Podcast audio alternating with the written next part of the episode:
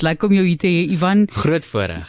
Ek voel vir my as val dit in die Kaap is sien ons julle so baie hier in die streek van Kijk, die SABC. Ons is in 'n Kaap toe getrek vir hierdie kuier, so Goed, nommer 2. Uh nee, nog nooit was ons so belangrik nie, maar Ivan is lekker om jou hier te hê.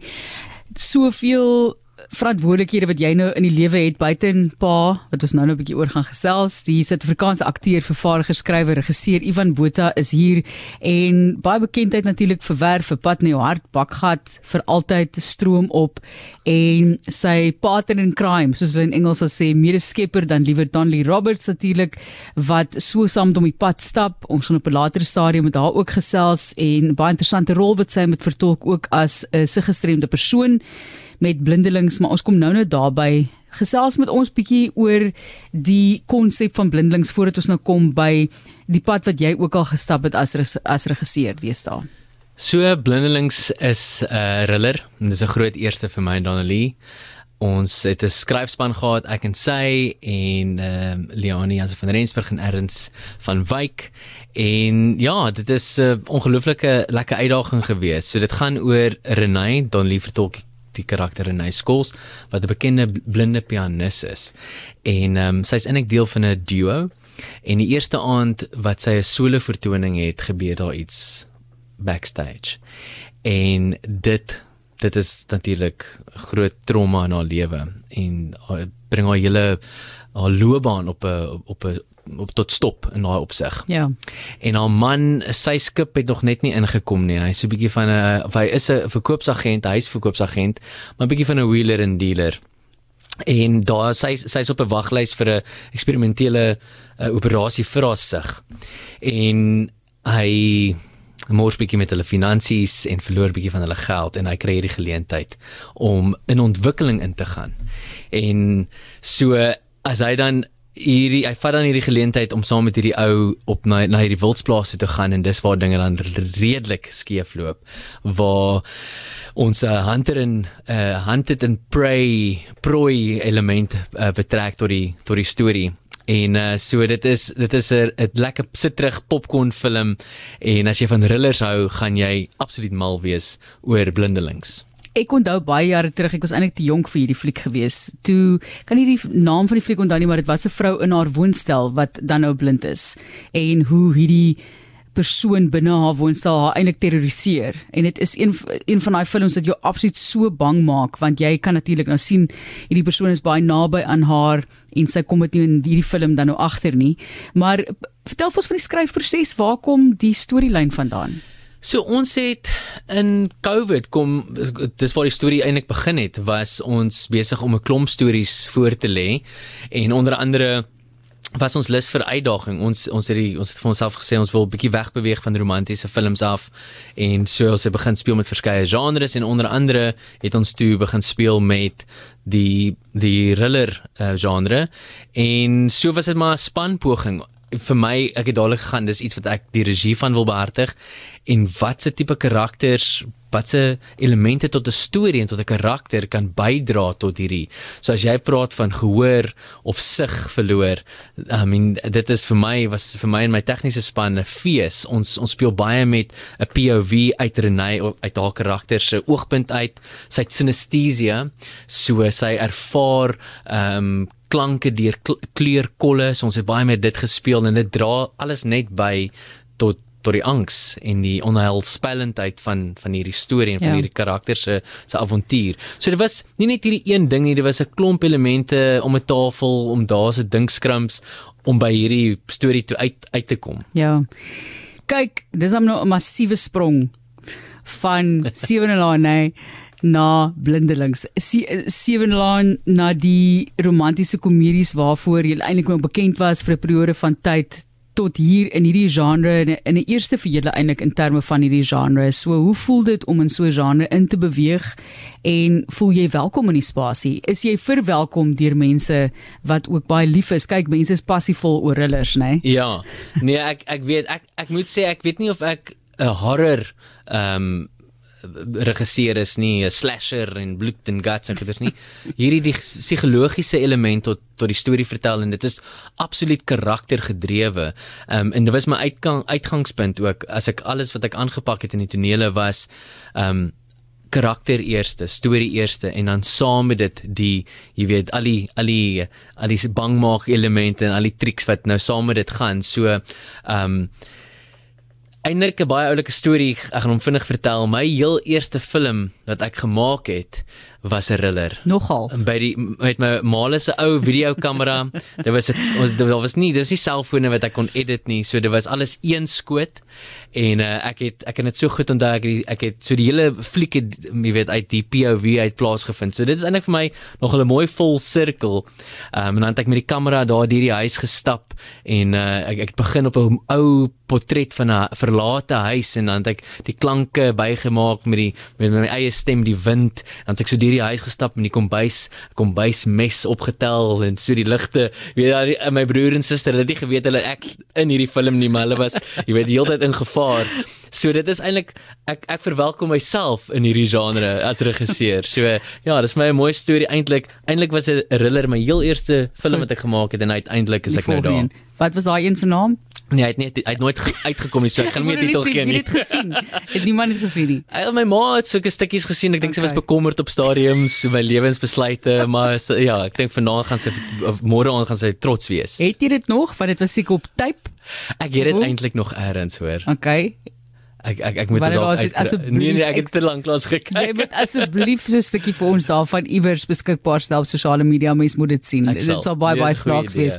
Jy gaan natuurlik by die Silverskermfees ook wees, né? Ja, dit is 'n groot voorreg om om deel te kan wees. Die Silverskermfees is ons plaaslike Kaan filmfees. Ons hou onsself baie fancy. Die, trek, die blou tapijt. Die blou tapijt trek ons mooi moois aan en um, word bederf. Ja, die fees bederf die filmmakers en dit is net 'n geleentheid vir ons om mekaar se werk te ondersteun en weer eens terug te kom tot pad nie hard vir altyd. Jy weet jy sit jouself baie keer as filmmaker in hierdie boksies want jy moet dink aan kaartjie verkope, jy moet dink aan die mark, wat soek die mark en en en en die filmfees is 'n geleentheid om uit daai boksie uit te droom en jouself uit te daag en dit gee vir jou die geleentheid om thrillers te maak, om ja. dramas te maak, om net te speel en eintlik 'n nuwe mark oop te kerf hopelik. So Ja. Gee aandag, gee bemarking vir die bedryf. Watter rol dink jy speel die Silverskermfees nog vir julle? Absoluut. Ek dink net weer eens, jy weet hierdie uh, produksie, ag die film wat uitkom nou en en wat wat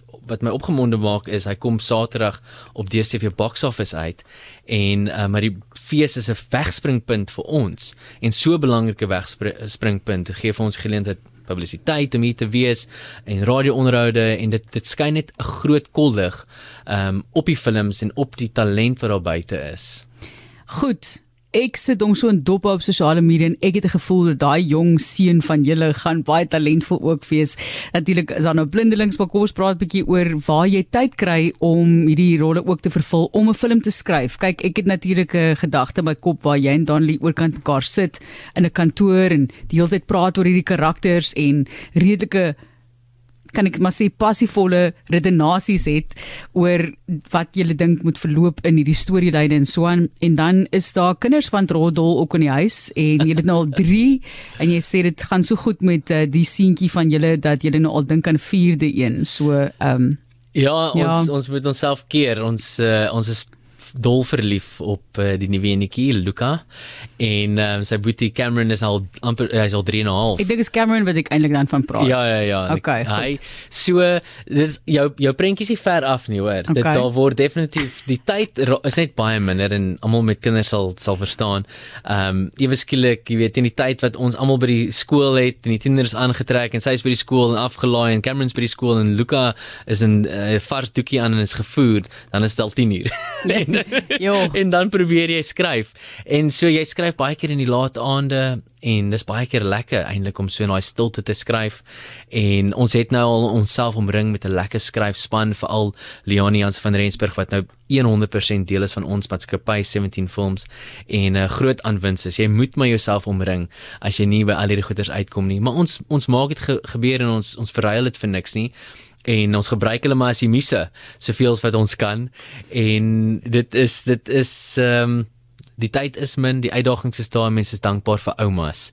Ons het ons het albei oumas hierso net om die silverskermfees te kan bywoon. so gepraat van oumas en ek is baie baie jammer, maar Jan Erlang wat sê Pieter, waar is oom Oubaas? O, genade. So, Jan Erlang uh, wat daai vraag vir jou stel en dan het iemand anders ook hier op TikTok gesê want ek het so 'n kamera gerig op Ivan op die oomblik, so jy kan regstreeks gaan kyk na Ivan Botha op TikTok. Hy is daar. Ehm um, jy weet dit dit moet gemaklik wees om so dis dit vir 15 minute met 'n kamera wat gemik is, maar jy's gewoond daaraan.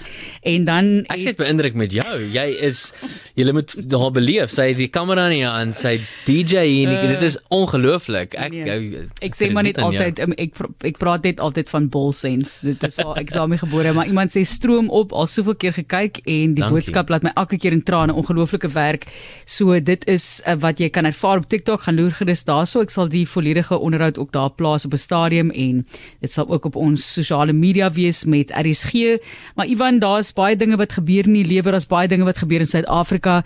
Hoe sterk staan die Suid-Afrikaanse film en televisiebedryf volgens jou? En ek weet ek het nou vroeër verwys na Seven Laan en ek het onlangs ook vir 'n voormalige Sewende Laaner, Melanie De Boer gevra wat sy dink van die einde van daardie groot groot telenovela wil ek dit eintlik maar noem van Suid-Afrika ja. CP. Hoe voel jy oor die bedryf? Ek's baie positief vir die bedryf. Dit het verander. Ons ons ons is jy weet ons moet eerlik wees um, in die sin van na covid dit het regtig dinge bietjie gefast track as ek, as ek dit nou maar in Engels kan sê. As dit kom by films wat uitgaan op teater. Min mense weet net om jou film op die groot skerm te kry is onsaglik duur vir die vir die filmmaker. So jy kompeteer nou met die groot groot blockbusters. Dit is uh jy weet jou Mission Impossible en Vaderland. Jy weet of of of jou animasiefilms. So jou die spasie vir om elke film, elke plaaslike film net uit te bring op die groot skerm daai dae is verby. Maar ons werk hard om dit weer daar te kry. Ons wil weer plaaslike films op die groot skerm sien. Ek dink dit gaan net selektief wees, maar die bedryf was nog nooit ja. ooit so besig nie met die kompetisie wat ingekom het Netflix, Amazon. Ehm um, ons is 'n paar seker maande weg van 'n Apple wat hier plaaslik begin vervaardig. So vir die filmmakers, vir die akteurs is dit eintlik 'n 'n ongelooflike seisoen. Die werk is volop en die inhoud raak net sterker. So en en ek weet Mnet kyk net uh, in daai opsig is besig met groot goeders met Showmax. Ehm um, so ek ek is baie positief vir die bedryf, maar dit lyk anderster en mense moet aanpas en ja, om terug te kom met jou vraag oor Sewende Laan, dit is natuurlik hartseer. Dit is hartseer vir die mense wat tans daar is wat wat nie weet dalk sonder werk gaan sit. Maar alle goeie dinge kom tot 'n einde en dit is nou al 'n paar jaar wat dit dreig of dit op 'n einde gaan kom en so voort. So mense moet dit ook nou maar aanvaar en en die goeie onthou en ek's net dankbaar ek was deel van dit al was dit 'n 'n klein 'n klein rukkie van 4 ja. jaar, maar dit was 'n groot voorreg en ek dink dit sal altyd by ons kykers bly en en julle luisteraars wees 'n groot deel van hulle lewe. Laastens, ons gaan binnekort op RSG reeks doen oor kunsmatige intelligensie en gaan ook die vermaaksbedryf aanspreek in daardie gesprekke. En die vraag is juis hoe voel julle as menslike kreatiewe mense in die bedryf oor die gevaar dat kunsmatige intelligensie dalk baie van daai werk gaan oorneem. Want mense sien dit meer en meer baie protes wat oor see natuurlik mm. ook aangeteken word waar jou werk as skrywer heeltemal oorgeneem gaan word. Byvoorbeeld in jou pragtige gesiggie gaan ja, maar dit ek nou so stel, nee, pragtige gesiggie gaan gaan in die vorm van kunsmatige intelligensie as karakter um, uitgebeeld word. Wat is jou gevoel daaroor? My gevoel is dat ek dink 'n balans sal gevind word. Ek dink daar's spasie vir verbetering in alle opsigte. Ek dink skrywers gaan nooit vervang word deur ChatGPT nie. Ons as skrywers en ek gebruik dit al klaar en ek weet van my medeskrywers gebruik dit al klaar tot ons voordeel. Ehm um, ek dink ons is bang van wat dit kan doen en dat mense gaan dit definitief misbruik, maar ek ek wil glo die kunstenaar in my wil glo dat die menslike hart en die menslike emosie nie werklik so vasgevang kan word soos wat enige uh, AI dit ooit sal kan doen nie. Ons gaan wel saam met dit moet leef en ons gaan moet leer om te onderskei van wat is die real deel en wat is nie. Ja. En dit gaan 'n interessante avontuur wees en ek dink daar gaan uh mense gaan werk verloor en dit is dit is baie hartseer en ek dink mense gaan onnodig werk verloor want mense gaan kort pad probeer kies om geld te probeer spaar en wat ook al dit mag wees. Maar ek wil glo dat dat dit nie in gevaar is nie. Ek dink dat daar 'n balans gaan gesonde balans op die einde van die dag gaan gaan gebeur. Ja, en hooplik nuwe geleenthede. Presies. Kan jy mens dalk ook sê Ja, en ek moet net sê, uh See No Evil was die fliek van die 71ste naam. Dankie Adriana van Blerk van Centurion wat dit vir my deurstuur. Dis waar, dis die fliek See No Evil. Ja, dit is wat ek gekyk het. Ek was te klein, ek was hopeloos te jonk vir die fliek. So ek gekyk het saam met my ouer broers en susters, maar uh Ivan baie sterkte. Dankie vir die vermaak wat julle vir ons verskaf in die lewe en die afleiding wat julle vir ons gee van ander dinge sterkte by die skryfwerk wat lê voor wat wat skryf julle op ek weet julle is al klaar weer 'n lankal besig en met natuurlik met iets anders as blindelings reeds Ja, ons ons klaar is. ons het 'n drama reeks wat ons van November af begin verfilm met 12 episode drama reeks wat ons vervaardig het en geskryf het en wat ek die regie doen. Een keer om die son is die titel. So mense moet asseblief uitkom. Hy uitkyk. Hy gaan nie eens volgende jaar uitkom, maar dis 'n 12 episode drama familiedrama reeks. Ietsie weer as jy van pad nie maar vir altyd stroom opgehou het, gaan jy mal wees oor een keer om die son.